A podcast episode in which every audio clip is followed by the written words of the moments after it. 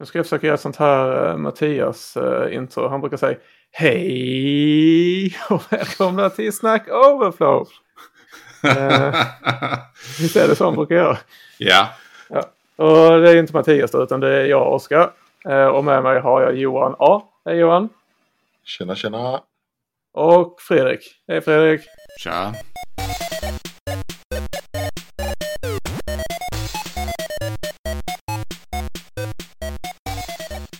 Idag ska vi prata om någonting som, alltså det känns som vi berör lite, touchar på det varannat eh, avsnitt.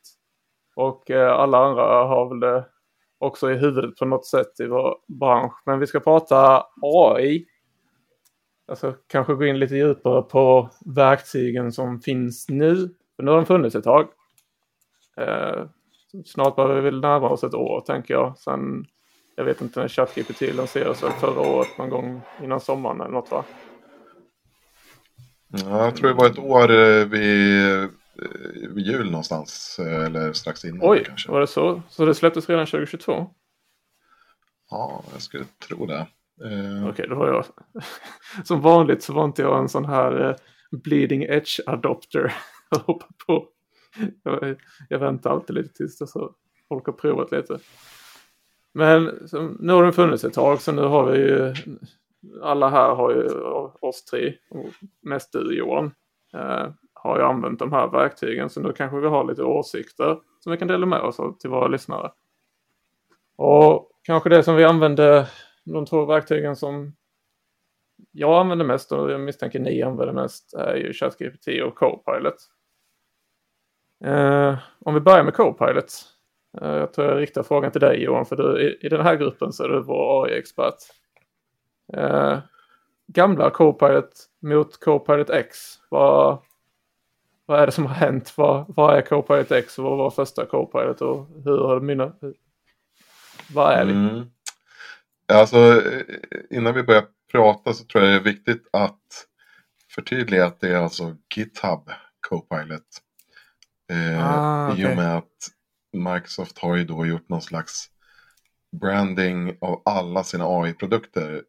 Att de ska heta Copilot. Eh, och eh, ja, eh, vi, vi, som har varit igång ett tag, vi vet ju att Microsoft, de, deras marketingavdelning, man vet inte alltid hur tänker de här liksom. Det, de döper om grejer, de eh, slår ihop saker namnen, ja, Windows Vista liksom. För det flyter ihop väldigt mycket nu. Jag, alltså när jag, om jag använder VS Code och använder Copilot eller om jag använder ChatGPT. För då använder ju ChatGPT ibland Bing. Och Bing har Copilot i sig om man använder det i Microsoft Edge. Och Bing äger också Microsoft. vi, vi red, jag tror vi red, börjar med att reda ut det här faktiskt. Eh, okay. För precis som du säger så är det väldigt förvirrande. Eh, ja. Men eh, så här var det ju. GitHub Copilot. Det vill säga ett, ett verktyg för att hjälpa utvecklare skriva kod. Eh, kom ju eh, ganska tidigt. Innan egentligen någon i, i, i, den allmänna publiken om man säger hade hört talas om OpenAI och ChatGPT. Det här mm. var ju liksom typ ett år innan dess. Eh, men det vi inte visste så mycket om det var ju att ja, men det var ju baserat på en, en modell som OpenAI hade tagit fram då. Och som Microsoft investerade många miljarder i. Eh, och, eh, men på den tiden då kändes det mer som ett så här, aha, ja, men en lite bättre resharper liksom. Eh, mm. eller vad man ska kalla det. ett verktyg lite resharper som... för frontend. Ja men det, det var lite autocomplete så här. Det var ja, men ganska smart. Det, det, hjälpte lite så här. Men det var inte så att det var en stor hit upplevde jag i början. Att alla hoppade på. Eh, utan folk var lite skeptiska så här. Ja, ja men det, det kanske hjälper lite och så där. man skriver koden lite snabbare. Men, men det, var, det var ett verktyg. Eh, men jag, sen... Jag, eh, jag kan bara flika in. Jag, var ju, jag mm. hoppade på när, när GitHub, eller vet du, då. Vad hette, vad hette den från början?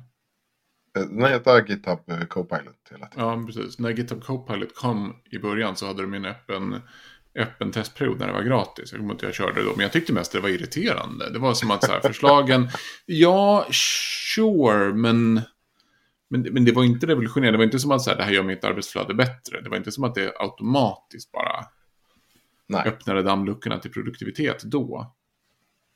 Nej men exakt. Och modellen var ju typ baserad på ChatGPT 3. Eller vad man ska eh, säga. Eh, Det var ju en annan modell. Men... Och sen fick vi ju 3.5 som kom ut som ChatGPT. Och det var ju den som revolutionerade hela grejen. Och, eh, alla bara, AI, fan vad coolt. Det här måste vi ju ha. Eh, och nu är vi uppe på fyran då. Fyra turbo. Eh, Den, men, den, den uh, tröskeln kommer jag ihåg för jag satt med trean och försökte använda den så som jag använder ChatGPT nu. Men eh, kvaliteten på svaren var ju av en helt annan magnitud när eh, 3.5 kom. Eh, ja, det, det var så det- gigantiska skillnader. Verkligen. ja, jag instämmer. Men, men just det här med brandingen då. Ja, sen kom ju ChatGPT. Och i och med att Microsoft inte vill vara efter eftersom de hade varit med hela vägen så lanserade ju de också sin eh, Bing Chat som de kallar det.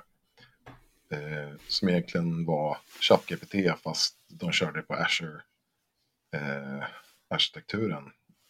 Skulle jag tippa på. Eh, och ja, alltså de som har testat båda de här vet ju att det är lite skillnader. För att de har lagt på en massa olika censureringar och eh, guardrails och sådana här. Eh, och, och de beter sig lite olika, de har liksom olika personligheter. Mm. Eh, men, det, men det var ju just den här eh, Bing-chatten, den heter ju nu Copilot, bara. Eh, och sen har vi då också fått nu Copilot 365 eller eh, något i den stilen som finns inbakat i alla eh, Office-applikationer. Okej. Så att det är Copilot, Copilot, Copilot. Eh, med lite olika tillägg. Men eh, GitHub Copilot var ju först. Eh, och det, det är bra att nämna att GitHub ägs ju av Microsoft. Då. Eh, även om de kanske inte talar så högt om det för att folk eh, kanske har lite taskiga åsikter om Microsoft och open source. Det, det är ett annat avsnitt. Men och, om vi fortsätter i Copilots tecken då. För under all den här tiden så har de ju pratat om Copilot X. Och jag trodde det, att man skulle vänta på att det skulle komma. Liksom som en major release. Nu kan du hoppa över från din vanliga Copilot-licens till att använda Copilot X och kanske pröjsa lite mer pengar. Men som när vi pratade inför avsnittet Johan så nämnde du de har, de, de har liksom smygreleasat in det här på den vanliga Copilot om jag förstått det rätt. Att det blir, kommer det bli någon Copilot X-release liksom? Nej, jag tror inte det. Eh, nej, eh, jag, tror att de gick... De hade säkert stora planer på att ja, men nu ska vi, nu ska vi liksom ha eh, Copilot X och sen kommer Copilot 360 och eh, Copilot eh, One eller något sånt här. Ja, men eh, om, om ni har Xbox så, så vet ni. Yes. Men, eh, men sen insåg ja, eh, men vänta nu, blir inte det här bara förvirrande? Ja, men vi, vi kör som, eh, som Windows 11 och, och bara uppdaterar allting i bakgrunden. Eh, och sen behöver vi aldrig mer släppa någon ny Windows-version. Typ. Ja, det kommer säkert komma, men ändå. Jag tror, jag tror det är på den linjen, för i stort sett allt som de snackade om i, eh, när de hypade Copilot X. Det, det finns ju egentligen nu i, i, din vanliga GitHub Copilot-prenumeration. Eh, Så skillnaden är liksom från början vanliga Copilot när det släpptes var lite code completion, lite förslag och sånt här som kom upp när man tabbade och hade sig i. Men vad är featuresen som de skulle introducera med Copilot X och vilka finns redan? Finns liksom att den indexerar hela ditt projekt och ger förslag ut efter kontexten? Eller finns det redan? Ja men exakt. Eh, ja, men den stora grejen är ju att de har ju boostat upp den till den senaste ChatGPT 4-modellen. Mm. Eh, så att du kan ju, du får ju mycket, mycket bättre förslag på kod eh, i din autocomplete. Då. Men jag skulle säga att det största, största fördelen är ju chatt, eh, chattrutan egentligen. Eh, Copilot chatt. Eh, där du kan prata med, ja, i, i stort sett ChatGPT 4. Men som är lite mer tränad på, på kod. Eh, nu, nu är det svårt att avgöra för att jag, jag kör ju lite parallellt. Jag kör Copilot-chatten inne i VS Code. Och sen har jag ett, eh, ett ChatGPT 4-fönster. Och det är inte alltid som Copilot ger bättre kod. Eh, men det den har det är ju att den känner till din kod. Eh, så att den kan ju titta på din kodsida utan att du behöver copy-pasta fram och tillbaka. Eh, Det, Men hur pass, alltså, jag- mycket lättare, alltså, hur pass mycket lättare idag är det att, att liksom få... Givet att man, att man kan koda, att man är erfaren. Hur pass mycket lättare är det att, att, att be ChatGPT eller alltså Copilot om, om förslag snarare än att skriva det själv? Så, Mm. Ja, men det, det är väldigt smidigt. Eh, en av de nyaste funktionerna är ju den här eh, eh, work, workspace-funktionen. Då, där du kan egentligen fråga, ställa frågor på, på hela din kodbas. Om vi ska ta ett, någon slags jämförelse. Eh, ni vet den här funktionen som alltid har funnits att, eller ja, den har ju varit inbyggd i Visual Studio länge i alla fall. Att om du byter namn på en variabel. Eh, då kan den gå igenom alla dina filer och liksom byta namn på alla ställen där det är aktuellt. mm, ja. Det sparar ju lite tid. Eh, ganska dum, ibland gör den fel. Eh, men det är en ganska bra funktion. Och när du använder Copilot-verktyget eh, för det här, då kan du säga Ja men eh, vänta nu, jag vill lägga till den här funktionaliteten. Det vill säga, jag vill lägga till ett nytt API. Eh, och jag vill att du eh, kollar på mitt pattern som jag använt. Jag vill att du skapar upp alla eh, i alla filer det som behövs för att stödja funktionaliteten för det här API, det här nya, den nya endpointen som jag skapar. Då. Och då, då får du liksom tio ändringar i, i tio filer som, eh, eh, som fixar det. Eh, och det är ju där man eh, kan spara väldigt mycket tid jämfört med att visst, du kan be ChatGPT och göra samma sak. Men eh, här får du det och du kan bara trycka på en knapp så kommer det in i dina eh, kodfiler. Liksom. Men blir inte det ganska boilerplatigt? Alltså det är väl... Eh, Ja, fast den exekverar ju bara en ändring. Alltså, jo, det är väl det jo. för rename symbol kommandot som finns. Den exekverar i VS Code. Alltså att du säger att du har ett interface och du vill döpa om det. Och så, då kan väl den döpa om allting i en fil bara om jag inte miss, minns fel. Ja, den man kan väl det. göra en kontext, alltså man kan väl göra döpa om någonting och så döper den om den i, i alla referenser. Det gör jag i alla fall, jag, jag kör ju mest, eh, vad heter det, Webstorm. Eh, och de, jag har inte testat, eh, JetBrains har ju också någon AI-pryl. Så jag har inte testat den än. Men är det för att du skriver typsäker kod så att den kan liksom räkna ut det själv? Som säger att du inte hade skrivit TypeScript och kör rename symbol. Hade Webstorm fattat den då? Bra fråga. Jag, jag är inte helt säker. Nej, jag tror inte Ehm, det. det. Så... De, de, har, de har blivit mycket bättre på, på att hålla ordning på även i JavaScript. Men det tror, jag, det tror jag inte riktigt är deras förtjänst. Det tror jag är... Alltså det har ju kommit nya features med eh, TypeScript som, som håller ihop. Alltså man kan type-checka och göra hårdare kontroller av JavaScript också med TypeScript. Det är möjligt att det, att det kommer därifrån på något sätt. Och undrar ni varför Fredrik sitter i Webstorm så kan ni lyssna på uh, avsnitt 9. ja. Där han uh, försöker förklara och rättfärdiga sitt uh, val. Men jag upplever, alltså för jag tror jag går upp med uh, Copilot och använda den för förslag någon gång i, i alltså innan julas, höstas, där någonstans.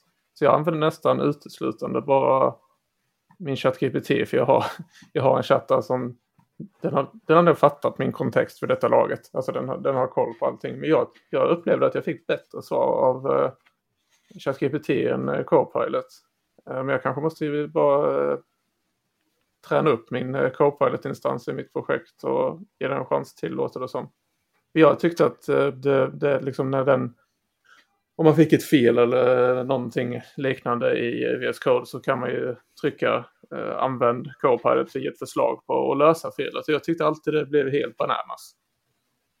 Eh, och att det bara var störigt. Och att den föreslog, jag hade en rad som hade röd underscore och efter ditt förslag så fick jag tio rader som hade röd underscore istället. Så det blev typ tio gånger sämre. Eh, men den kanske, jag får väl eh, ge den en chans till låter det som.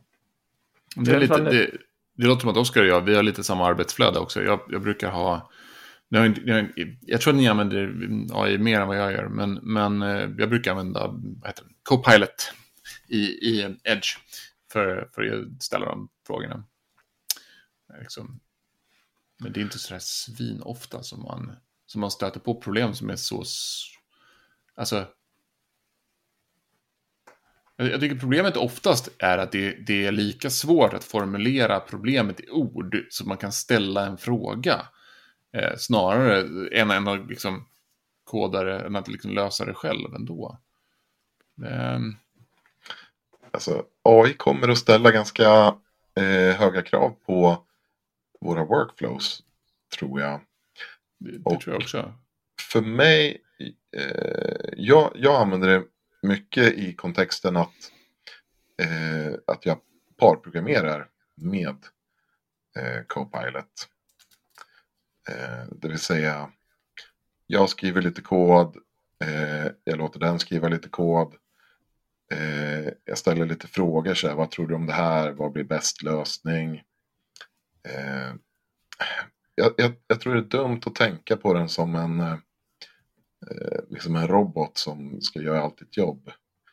Utan eh, det är bättre att se det som en, en partner som eh, förstärker en... dina kunskaper och förmåga. Liksom. Och som, som kan göra skitjobbet. Som en typ en, som en, en andra pilot eller kanske en, en Co-pilot. Ja, tänk vilket bra namn. eh, det är nästan som att Microsoft har samma tanke där. Alltså för mitt ja, men, det eh, är typ så. Alltså det är ren lathet. Eh, jag har haft jättemycket användning av ChatGPT de senaste dagarna för jag har behövt stuva om mina tester som jag skrivit i testverktyget Playwright. Så istället för att uh, gå igenom, alltså jag vill göra det här. Men jag har inte använt Playwright i flera år och kan inte vad alla metoderna heter. Så jag, jag skriver exakt vad jag vill göra istället för att gå igenom API-dokumentationen och försöka leta efter rätt metod som gör det. Så det, och jag vet, det, det här kan man göra reflektion. Jag vet inte ifall detta är bättre för mig långsiktigt. För jag märker att jag förlitar mig på att ChatGPT ska hitta sakerna åt mig och ge den och emellanåt så ger den ju riktigt knasiga förslag.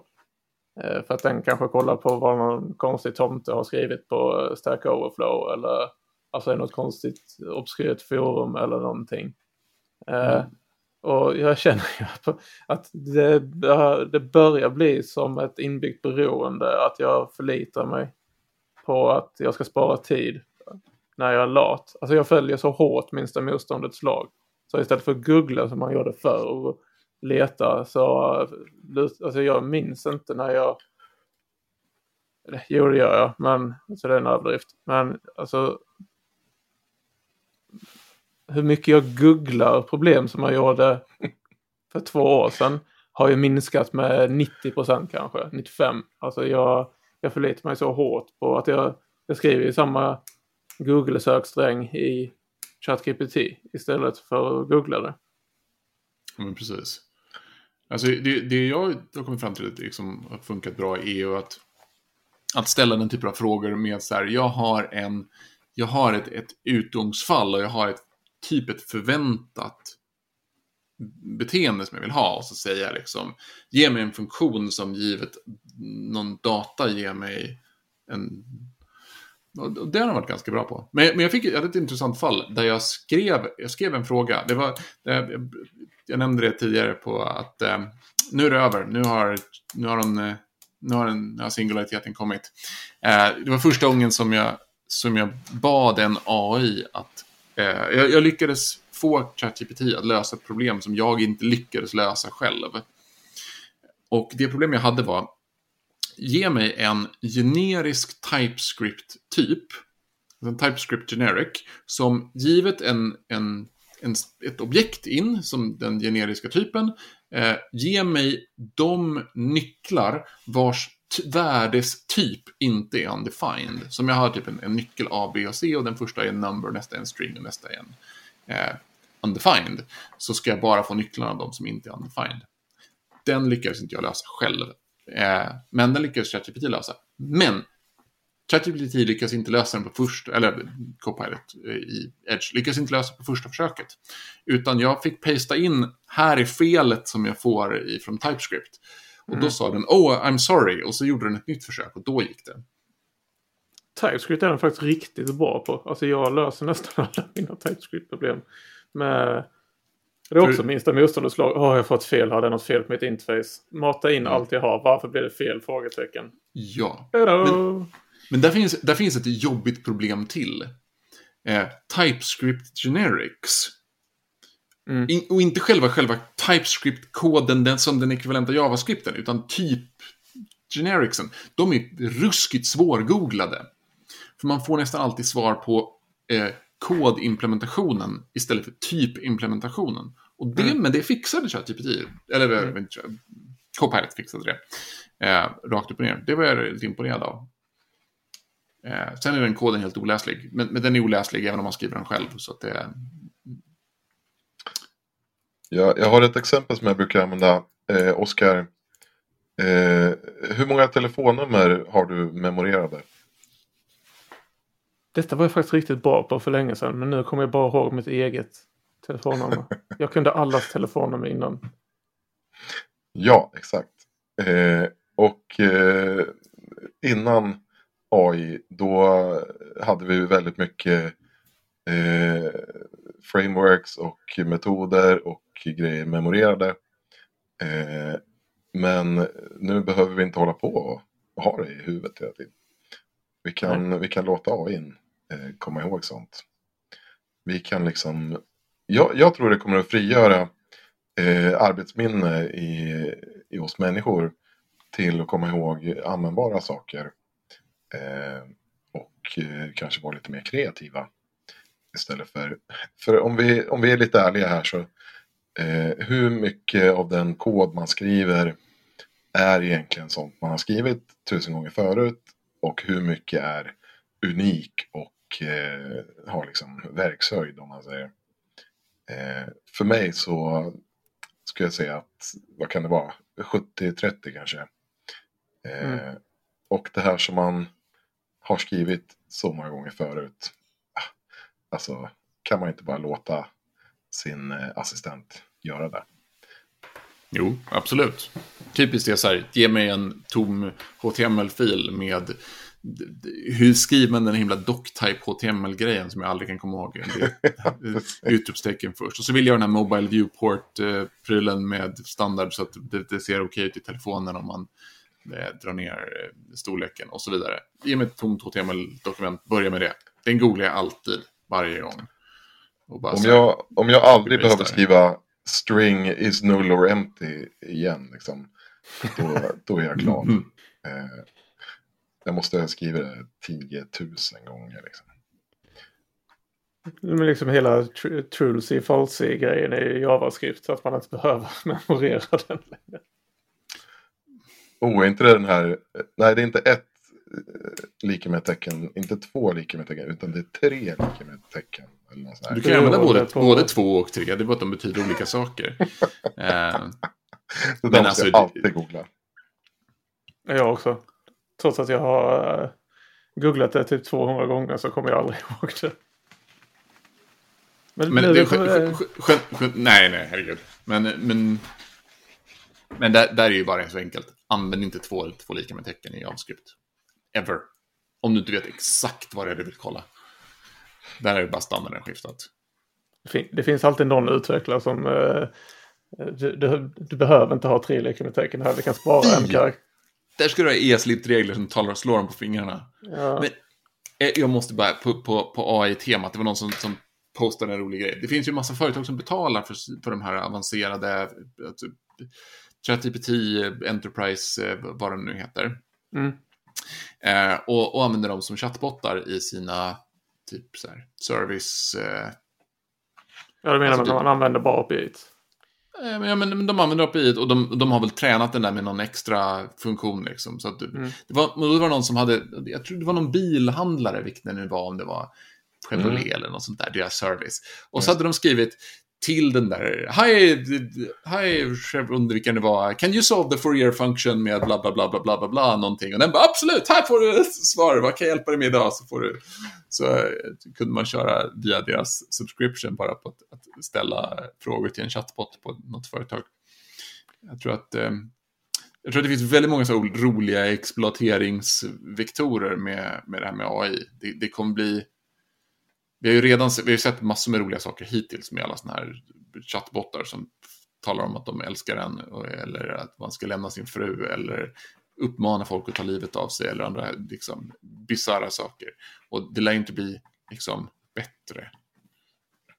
Det, det tror jag är ett annat avsnitt om vi inte ska divergera för mycket. Nej, nej men, men, men, nonsens men, men, men, men den här typen av, av hallucinationer och, och saker som inte är riktigt korrekta, de, de blöder ju in överallt. Och, Mm. och det finns ju ingenting som säger att bara för att du skriver en jättebra förklaring på så här, men jag vill att min funktion ska göra bla bla bla bla bla bla bla, att programmet säger här får du fungerande kod, den här är jättebra, men det finns ju ingen garanti för att den är rätt för det. Alltså vi kan inte, vi kan avlasta oss våran, det vi gör till AI till en viss gräns, men om vi inte riktigt längre förstår, då kan vi inte riktigt längre ha kontroll på att vi faktiskt uppfyller kraven. Även om vi skulle be en AI att generera enhetstester för sig själv så kan vi fortfarande inte vara helt säkra på att den faktiskt testar det som vi ber om. Vi kan bara hoppas. Nu är du på väg in i någonting som jag tänkte vi ska, för det, det, detta kommer bli ren spekulation av oss. Vi kan inte, för vi vet inte så att vi är inte den utsatta gruppen som jag kommer att försöka beskriva här. Men när de här verktygen introducerades för oss, oss tre här i denna podcastinspelningen, så var vi no, mer eller mindre seniora. Eh, ja, nu, nu är vi alla konsulter, så mer eller mindre seniora konsulter som har jobbat med IT inom citationstecken i ja, runt tio år eller mer. Tänk er att ni kommer direkt från universitetet idag och kommer in i och så sätts du som en juniorutvecklare i ett team. En jättestor kodstack, ganska komplex domän. Och hur tror ni, för det du var inne på Fredrik, du, du kan identifiera oftast på, på grund av att du har den erfarenheten att förslagen som du får är fel. Men om du kommer direkt från plugget, då är det inte lika aning. lätt. Och då är det som du sa också John, jag har skrivit de här 70 procenten som jag skriver, det har jag skrivit innan. Men de har ju nödvändigtvis inte skrivit innan. Vad, om vi spekulerar lite, vad, vad tror vi kommer bli skillnad på de som kommer direkt från plugget nu? För de kan man ju räkna med att de kommer att använda något form av AI-verktyg liksom för att komma upp i hastighet, för de har ju krav på sig när de kommer in. Hur, hur, kommer, hur kommer de lära sig? Vad kommer de bli för utvecklare, tror vi? Alltså jag, jag hoppas ju att de får lära sig AI-verktygen redan i skolan.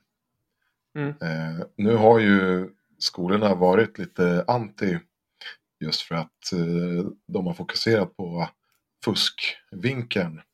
Mm. Att ja, nu kommer alla skriva prov i ChatGPT och ja, så kan man ju se det. Men eh, då kanske inte det testet var så jävla bra från början. Eh, Du får gå tillbaka får- skriva kod på papper och penna. Men alltså det finns Ja. väl, i dagsläget finns det väl ingen chans att en skola ska kunna lära ut AI. Alltså, det är ju nästan, alltså om du ska lära dig AI på en universitetsnivå, då ska det finnas någon forskning som har grundats i den här. De här verktygen har bara funnits publika, användbara i väl två år, eller vi, två och ett halvt år. Ja, men jag, jag, jag menar inte att, att de ska lära sig eh, AI, att de ska koda AI, utan eh, Men, jag, att jag, överhuvudtaget använda dem, eller hur, ja, hur men jag, man ska jag, jag tänker mig som dem. ett eh, AI-datorkörkort. Men det, det finns, det, det kommer inte, det kommer inte tio år innan, innan det, det finns ett AI-datorkörkort.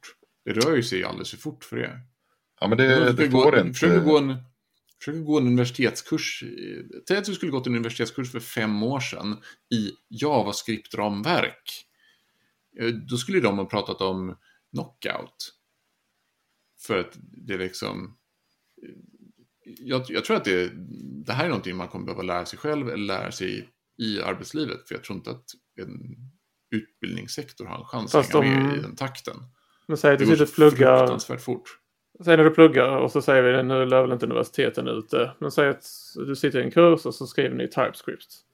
Då skulle Mm. ju den professorn kunna hjälpa till och säga hur den ska uttrycka. Vi har det här projektet i Copilot. Ni ska försöka lösa den här uppgiften. Utöver att professorn försöker lära ut så här skriver du typ TypeScript så skulle ju den professorn också när ni försöker göra det här förstå vad det är ni gör. Men om när ni kör fast så kan ni använda Copilot som vi har i VS Code här. Och så, så här kan ni ställa frågorna till VS Code för att få adekvata svar. För första gången jag använde chattverktygen så ställde jag ju frågor som en idiot. Nu har jag ju lärt mig hur man ska kommunicera med dem. Och det är ju fortfarande eh, väldigt viktigt hur man uttrycker frågorna och ger klienten en kontext. Och det Absolut. tror jag är viktigt och kommer vara viktigt.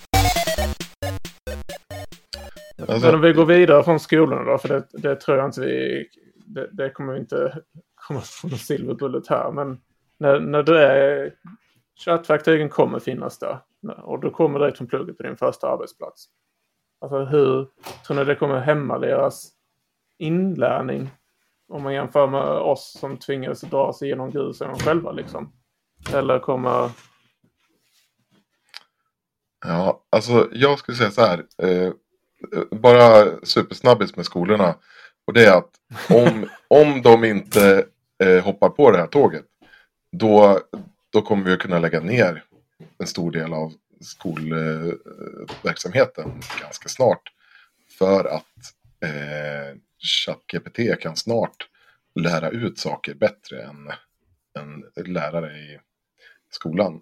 För om vi är ärliga så är inte lärarna eh, uppdaterade på den senaste tekniken. Och de kommer aldrig att få resurser och eh, tid för att bli uppdaterade. Eh, och där har vi lite problemet. Så här har det ju varit länge. Har du gått eh, någon kurs, ja du har ju gått någon så här yrkesförberedande utbildning i programmering. Jättebra, nu, nu slänger vi in dig som konsult. Eh, det är bara att du, du kan ju typ ingenting. Eh, och det här är inte för att vara taskig på något sätt mot juniora utvecklare. Utan det är mycket av jobbet handlar ju om erfarenhet. Att man har stött på saker, man har gjort fel. Och Mm. eh, lärt sig av felen. Liksom. Det, det får man inte lära sig i skolan på det sättet.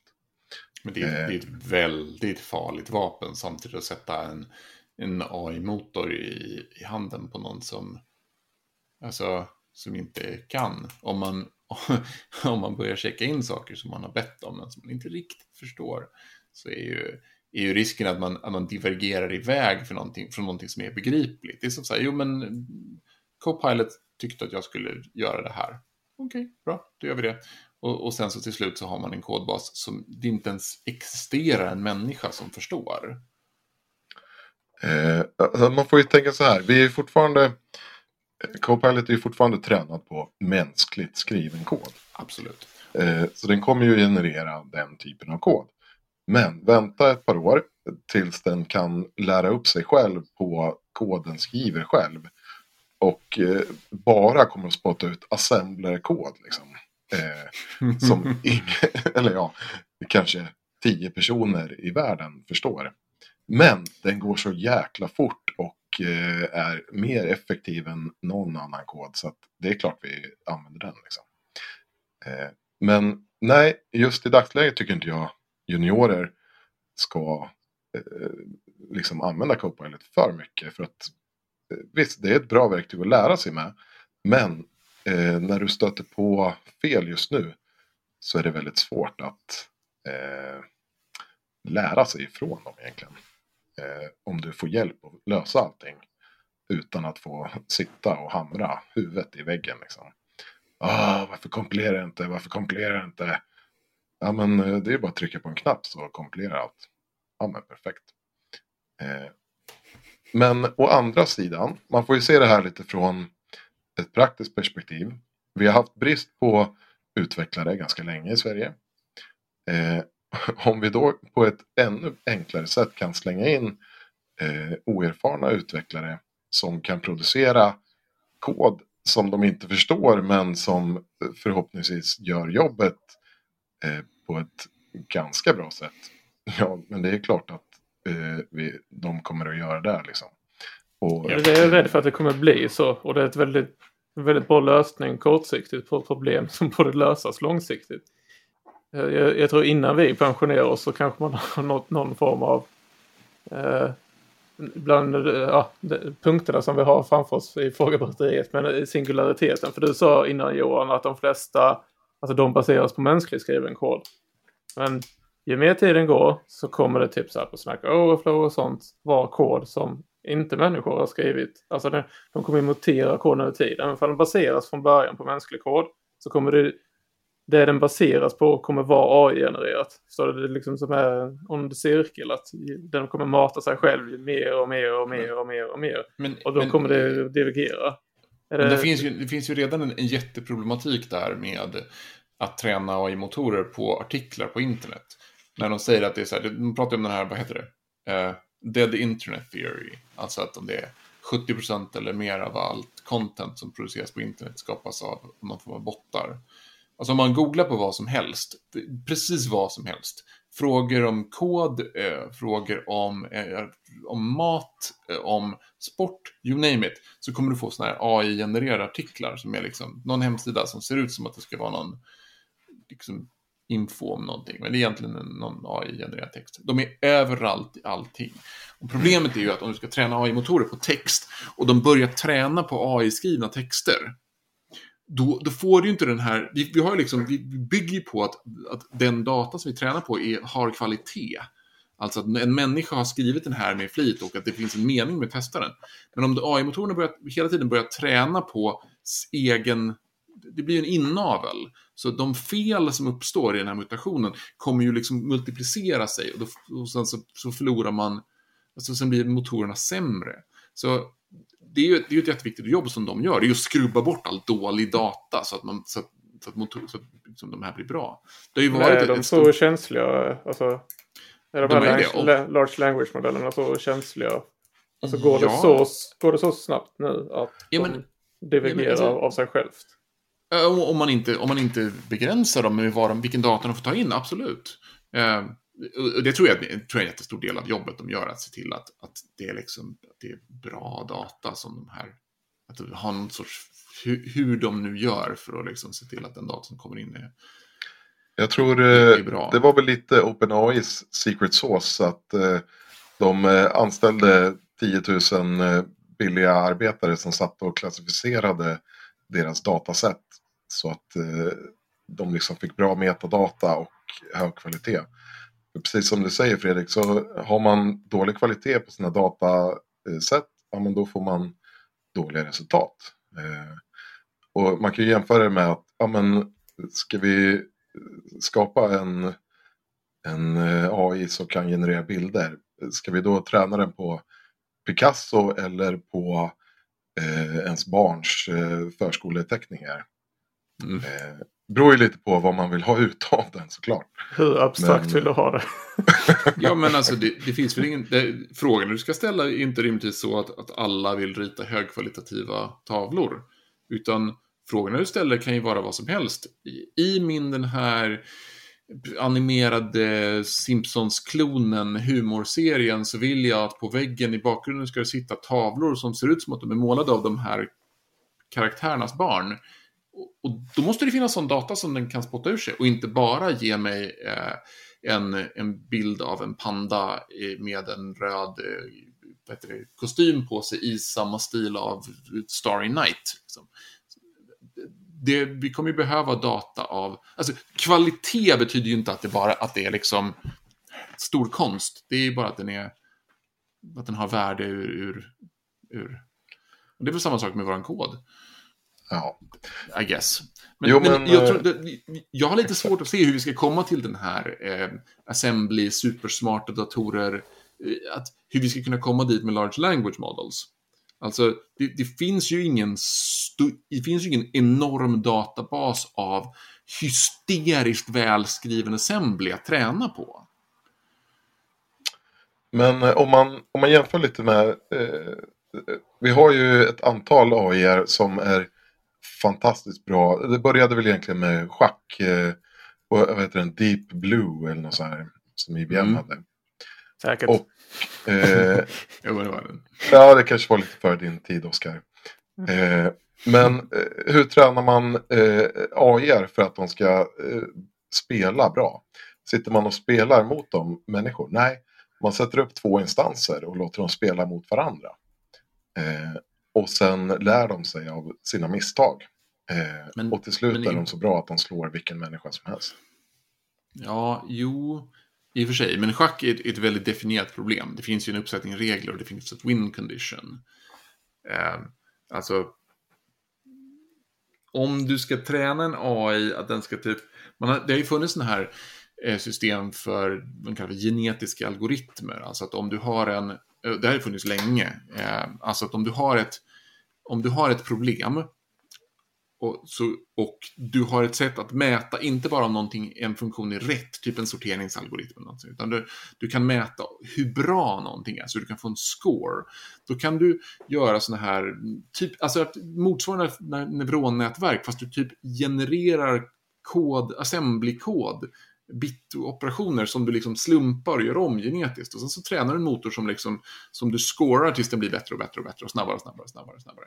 Men det är väldigt få problem som, som är den karaktären. Det är liksom inte som att det är svårt att träna en motor på att, att sälja så mycket som möjligt eller göra bra marknadsföring eller typ mänskliga problem. Så det, det är en viss typ av problem som, kommer, som de säkert kommer bli svinbra på att göra. Medan andra saker är ju lite mjukare. Jag behandlar ja. min uh, ChatGPT lite som en Tamagotchi. Så när jag fått ett bra svar så säger jag att den är duktig. Då ger du den lite mat. ja, jag bara, åh, du är jätteduktig. Det här var ett bra svar. Tack ska du ha. Jag hör mig snart igen. Jag, jag sitter hemma själv och jobbar. Det är väldigt ensamt. Så jag, jag behöver någon att prata med ibland. Det här, jag har nämnt det tidigare i någon, eh, något avsnitt. Men eh, en av de så här, grejer som jag kommer ihåg från när jag började med ChatGPT. Det var att eh, jag satt och spånade lite på ja, en liten historia. Eh, för, typ som man kan läsa för barnen på kvällen. Så här.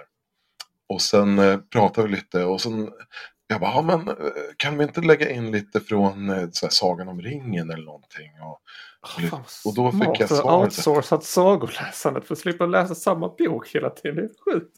Du, jag har snart läst tre Harry Potter-böcker. För jag vet du hur tjocka de är? Alltså, man vill ha lite eh, omväxling ibland. Men eh, eh, poängen var att då, då fick jag svaret så här. Åh! Ja, men det där är en jättebra idé. Bra Johan, det där, det är liksom, det passar jättebra in i den här storyn som vi håller på och bygger här. Eh, och, och jag blev så här, fan, eh, jag kände mig jätteglad. Eh, och det var lite då jag kände att det, det här kommer att ta över. Eh, det, det, är bara, det är bara att satsa 100% för att eh, om, om en AI kan få oss människor att känna oss uppskattade och liksom intelligenta, ja, men då är det kört. Då de kommer att ta över ganska snart. Mm. men men eh, ah, vad var det jag tänkte på? Eh, Fredrik, eh, eh, påminn mig bara vad, du sa. Jag tappade Nej, bort vi, vi rantade lite om det här med träningsdata och, och vissa, typer av, av, vissa typer av problem känns som att de är mer AI-anpassade än andra. Men exakt. Och det är där jag tänker, eh, ja, eh, kan man mäta kvaliteten på, ja men be ChatGPT att skriva en Shakespeare-pjäs liksom. Kan man mäta det eh, på ett bra sätt? Ja, eh, vad är konst? Det är liksom på den nivån. Vad, vad är bra historier? Vad är bra? Det är ju väldigt personligt. Alla tycker det är olika. Men kod, där kan vi faktiskt mäta. Eh, Okej, okay, kompilera det här. Ja. Okej. Okay. Eh, gör det... Nej. Eh, nej, men eh, det kan vi skita i. Men har det uppfyllt de krav som vi har, kravställningen som vi har? Det ska göra de här tre grejerna. Ja, men det gör det. Okej, okay. och eh, om vi kör det här, får vi det resultatet som vi förväntar oss? Ja, jo, men det, det får vi faktiskt. Ja, men det, det är sådana här grejer som vi faktiskt kan eh, ge poäng för att ja, men om, eh, om GitHub Copilot uppfyller de här grejerna, ja, men då får den 100 poäng. Eh, och det kan vi göra med våran kod också. Eh, fast vi ganska sällan gör det. Eh, och jag tror att buggar och så här, ja, det kommer säkert vara ungefär lika mycket i början. Eh, om man räknar bort hallucinationer och sådana här grejer. Men allt eftersom, vi människor, vi blir inte jättemycket bättre på att skriva bort buggar. Eh, om vi kollar liksom statistiskt sett hur mycket säkerhetshål finns det i våran kod idag jämfört med 20 år sedan. Lite bättre, men eh, det finns ändå där.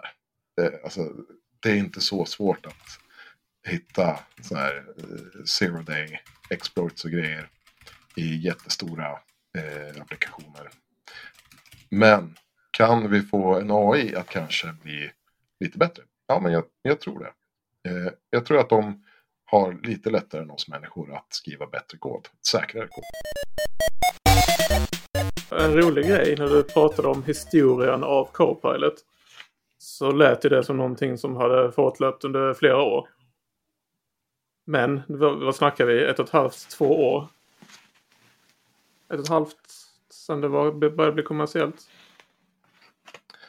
När uh, GitHub Copilot släpptes? Mm. Det kanske du googlar snabbt åt mig nu så att jag inte skämmas i tv, eller på sig, men skämmas i radio. Ja, precis. Vi, eh, 29 oktober 21. Va? Så den är ju alltså eh, över tre år gammal.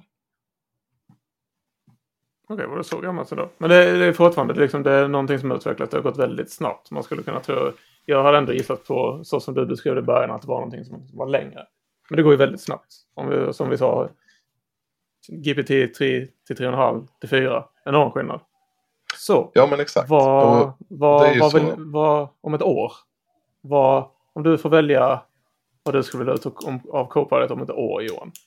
Vad, mm. vad skulle du vilja att Copilot eller ChatGPT eller AI, vi skiter i tjänsten. Vad skulle du vilja att AI hjälper dig i din kodeditor om ett år? Mm ta i nu. För jag, jag, jag tror att det, det, kommer vara mer än vad man tänker sig ändå. Ja, alltså problemet är ju att eh, det, det, är väldigt svårt för oss människor att eh, visualisera saker som inte finns. Mm. Eh, jag menar, läser man gamla science fiction-böcker från 60-70-talet så här, internet, det var ju ingen som på, det var kanske en av hundra som hade, kunde förutsäga sådana grejer. Eh, men eh, intelligenta robotar, ja men det kändes naturligt. Eh, så eh, vad, vad kommer att... De största grejerna, jättesvårt att förutsäga. Men om jag, om jag får säga vad jag skulle vilja se, vad jag skulle vilja ha, det är ju att, eh, att jag kan, eh, bara kan ta ett steg tillbaka och helt och hållet kommunicera. Eh, inte ens behöva skriva. Nu, det finns ju, Copilot har ju stöd nu för eh, voice. Eh, du kan ju prata med den. Eh, du behöver inte hålla på och skriva, utan precis som i ChatGPT så kan du bara prata och få en, ett naturligt svar tillbaka. Eh, och låta den skriva all kod eh, på dina kommandon.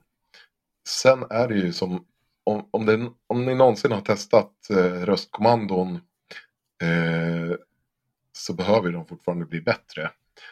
Ofta är det ju så här att äh, fan det går snabbare att skriva än att liksom säga det. Eh, har man en Google-assistent så vet man att äh, det går snabbare att ta upp telefonen och, och söka på någonting än att försöka få assistenten att förstå vad man vill ha. Liksom. Ja. Eh, Det finns en är lösning på det. En, en, en av assistenten är bra en när man, när man sitter och kör bil. Elon är något på spåren tror jag. Jag vet inte det är, hur sant det är. Men jag läste något rykte igår om att de har gjort de mänskliga, första mänskliga försöken. Jag vet inte fall det är sant. Man får försöka ta reda på det själv. För det kan ju bara vara rykten. Men de, han, de jobbar ju ändå på eh, det här med att man ska kunna läsa folks tankar med att sätta ett kort på huvudet. Och enligt ryktet då så har de redan börjat göra de första mänskliga försöken. Så till slut behöver du kanske inte ens prata Johan. Men Det det är har vi nog inte om ett år. Ja, Neuralink heter det. Som- Ja. Alltså, Jag, jag, jag hade en liten tanke på så här, vad, vad skulle man vilja ha av framtiden av, av de här verktygen? Alltså, det, det känns ju som att det första steget man skulle komma till, det är ju typ som Johan säger, man, ska, man man kan koda helt, bara prata. Ja, men jag vill ha en funktion som gör det här, och sen vill jag ha en sida som gör ditt och datten, så vill jag ha det här, så kan man liksom prata Så sig säg, fram till. säg att jag är duktig efteråt. Ja, sen säger jag att jag är efteråt. Nästa steg är ju att man ska kunna be om konceptuella saker. Eh, jag vill att du skapar en bankhemsida som ska kunna ta emot betalningar och som ska kunna ha en säker inloggning och integrera med, med AD. Eh, ge mig 30 olika förslag på grafiska profiler. Eh, Eh, se till att uppfylla alla krav som, som krävs för att göra det här, liksom lagkrav. Jag menar, du ber om konceptuella, större konceptuella saker och den bara, ja men absolut, vi löser det åt dig. Eh, där är vi ju inte i närheten av än. Att man kan liksom be om, man, man kan få något specifikt, men jag kan inte säga liksom, gör 10 000 personers arbete så här. Liksom, så. Eh, och Neuralink var roligt att du nämnde, för det, det är en sån där tanke som jag, jag ser som, som alla failar på alla sci-fi framtidsgrejer. Mm. Eh, för mig så har, har en riktig hard sci-fi inga interface. Om du har chip i hjärnan, då vet folk saker. De får informationen in hit. Så ingen kommer ju ha några devices och ingen kommer ju prata i någonting så här eller slå upp någonting. Man kommer bara veta grejer. Eh, det är väl dit man kan tänka sig att en sån här Neuralink skulle kunna komma i framtiden. Att du har liksom en AI-motor som du liksom interagerar med, med dina tankar. Så när jag börjar säga, hm, men vad var det nu? Den där, den där låten som jag hörde någon gång när jag var 14, du menar den här? Kommer det liksom en tanke in? Precis. Alltså hela den här grejen med att vi ska ha en dator i huvudet. Eh, det, det är väl egentligen bara de senaste, ja men typ sen internet kom. Som man har sett det i, i sci-fi liksom. När, jaha vi ska vara ihopkopplade allihopa. Ja men eh, då är det klart vi ska göra det utan skärmar och grejer. Men- Men... En hive. Resistance is futile, prepare Ja, men to be exakt. assimilated. Går vi tillbaka till Star Trek. Som egentligen uppfann mobiltelefonen. Med sina eh, flipphones liksom. Eh, och tricorders. Men eh, när, de såg framför sig att eh, människor skulle vara ihopkopplade i, genom implantat i huvudet. Då var det ju inte så här de goda som hade det. Utan då var det ju the Borg. Liksom. De ondskefulla som skulle assimilera alla de goda.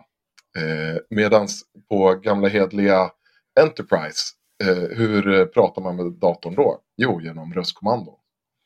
Eh, och eh, så det där är ganska intressant. Kommer vi att... det är bara att resa i ljusets hastighet och teleportera sig som vi typ inte har löst i någon form på.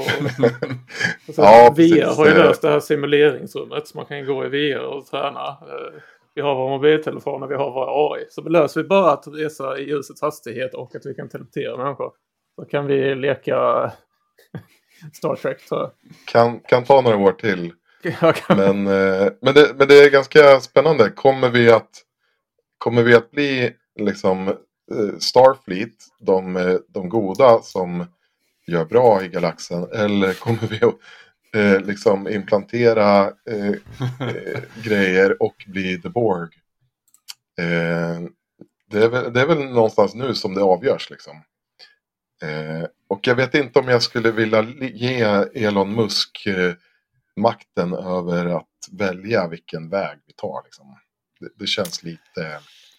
Ni, ni, Nej. ni, divergerade otroligt mycket på min fråga. Vad vill ni, hur vill ni att eh, AI ska hjälpa er i ert arbete om ett år? Och om jag ska svara på min egen fråga vad jag skulle vilja ha hjälp med om ett år av AI om man inte bara tänker VS Code. För jag tänker att man kanske tänker lite för smått med tanke på hur snabbt det går om man bara tänker koden. För det är redan så, är det 3, chat, GPT 3.5 de introducerade att den kunde exekvera Python tills man fick 200 typ. Eller var det fyran som introducerade att den kunde exekvera Python i plugins? Eh, ja, du har ju Code Interpreter. Den kom ju med, med fyran eh, i den vevan. För det, kan- det tror jag den kommer lösa liksom. Att den kan exekvera koder som du sa innan. Att den samlar data på ifall.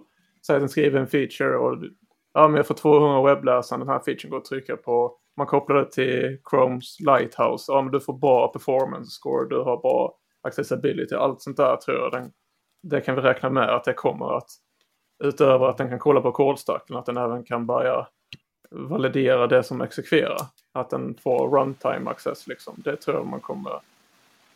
Eh, Jag har inga belägg på det men det verkar ganska rimligt att de kommer försöka lösa på det. Så om jag får önska någonting om ett år, det är kanske en steep order. Men att den hjälper oss med saker som eh, inte är kod, men är i projektet. Alltså för att kod kan vara olika bra kvalitet eller inte. Det, det är vad det är. Men saker som jag upplever i ett projekt som jag, ofta är problemet, det är kraven som kommer in och UX. Om den kan hjälpa till med bättre kravställning för att den, för, den har redan kodkontexten. Den kan redan, säg att vi redan har att den förstår hela kodkontexten. Den förstår produkten, den förstår vad vi försöker lösa. Den, den kan köra applikationen, säg att du, något, du har en enkel sparapplikation. Den kan köra den och förstå den. Den förstår domänen. Tänk om den hade kunnat hjälpa, för hur ofta är det inte att det är problem med krav och UX? Tänk om den kan hjälpa oss med det istället. Alltså UX kanske den kommer, hjälpa, kommer de kanske implementera typ så här i Figma, att den hjälper en med vedertagna sanningar. Så här borde en knapp se ut.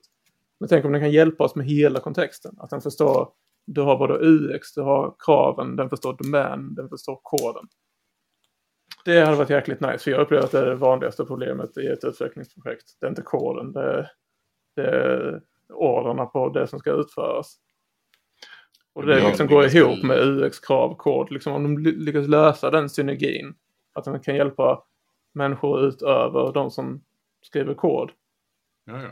Det är en ganska liten del av tiden som man arbetar som faktiskt går ut på att skriva tecken. Ja, Att skriva kod. och jag tycker inte det är där egentligen det största problemet är. Det är schysst att vi kan få lite högre velocitet på om vi pratar för oss tre här. Det är gött att vi har fått lilla kodassistent. Men det är inte där det brinner mest i ett projekt. Så Men frågar alltså, vi de flesta av våra kollegor så är det ju liksom hur man jobbar i projektet och kraven som kom in. Hur, hur är UXen bra här? Och så reviderar man det oändligt. Tänk om man kan hjälpa en förstå hela domänen och alla dess delar. Jag skulle vilja gå lite längre och skicka ut en eh, önskan i etern här. Om ni känner en projektledare, Scrum Master, eh, kravställare. Snälla, snälla säg åt dem att börja använda ChatGPT för att göra sitt jobb. Så att vi utvecklare kan få bättre kravställning, bättre definierade funktioner. Eh, bättre items att jobba med liksom. Istället för Absolut. den här skiten som vi har fått de senaste 10-20 åren. Nu ska vi inte dra alla över en kant. Jo, Nej, det- jo jag, jag, jag tycker vi faktiskt kan göra det. Ex- extremt varierande hur, hur bra. Men, alltså, men, men en sak som- jag, som jag skulle vilja önska som, som ett, ett seriöst önskemål om ett år. Det är att kunna gå in och, och få en, en AI-motor som håller mig i handen när jag kommer in i en ny kodbas. Och säger, kan du förklara för det här? Förklara mig. Det kan det väl typ. Ja, alltså på, på, ur ett rent tekniskt perspektiv så kan den väl, eh, skulle den väl kunna okulärbesikta och förklara beroenden. Utgå från beroenden package och för, förklara. Ja, men, men, men, men det, men det brukar den förklarar inte domänen. Nej, precis. Men förklara liksom så här. Vad går det här ut på? Hur är, vad är, kan, kan den hitta liksom arkitekturtanken bakom? Hur, hur har de tänkt när, när det här, hur ska man liksom om, och inte bara, det, för problemet brukar oftast inte vara typ, jag ska skapa ett nytt API. Det kommer ju både jag och AI inte ha några problem med. Det finns redan ett API, att göra likadant, eller man tweakar, det ska man post istället för en get, eller man ska någon...